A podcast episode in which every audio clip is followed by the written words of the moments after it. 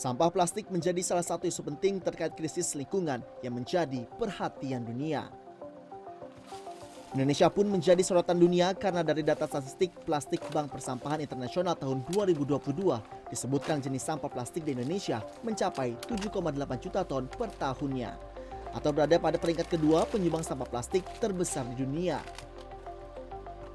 Kondisi ini membuat sejumlah negara berlomba-lomba untuk dapat mengelola sampah plastik di Indonesia.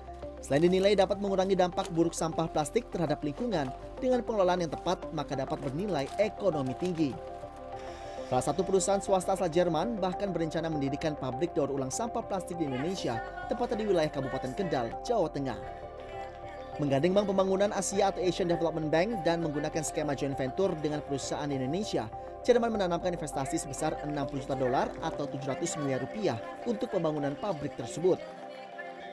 Lewat joint venture atau kerjasama ini, pihak pemerintah Kabupaten Kendal akan memberikan peluang dalam produksinya. Pabrik ini akan menjadi daur ulang sampah plastik menjadi biji plastik untuk kemudian diekspor ke beberapa negara di Eropa seperti Amerika, Italia, Jerman, Spanyol, dan Belanda. Jadi dengan keyakinan tersebut dan untuk saat ini pabrik kami di 3D Oasis Group di Tangerang kita sudah melakukan ekspor tersebut gitu. Jadi market memang ada dan akan terus tumbuh seperti tadi speech yang Dr. Axel katakan. Uh, jadi dengan keyakinan tersebut, kami harap kita bisa berkontribusi untuk menutup gap tersebut, Pak. Jadi untuk menjawab pertanyaan Bapak, karena adanya uh, gap yang masih tinggi antara permintaan dan supply, ditambah komitmen yang tinggi dari perusahaan-perusahaan untuk menggunakan plastik daur ulang sebagai uh, bahan bakunya plus juga kita harap adalah makin banyak negara-negara nih yang melakukan atau uh, mengupdate regulasinya untuk uh, meningkatkan penggunaan material daur ulang sebagai bahan baku.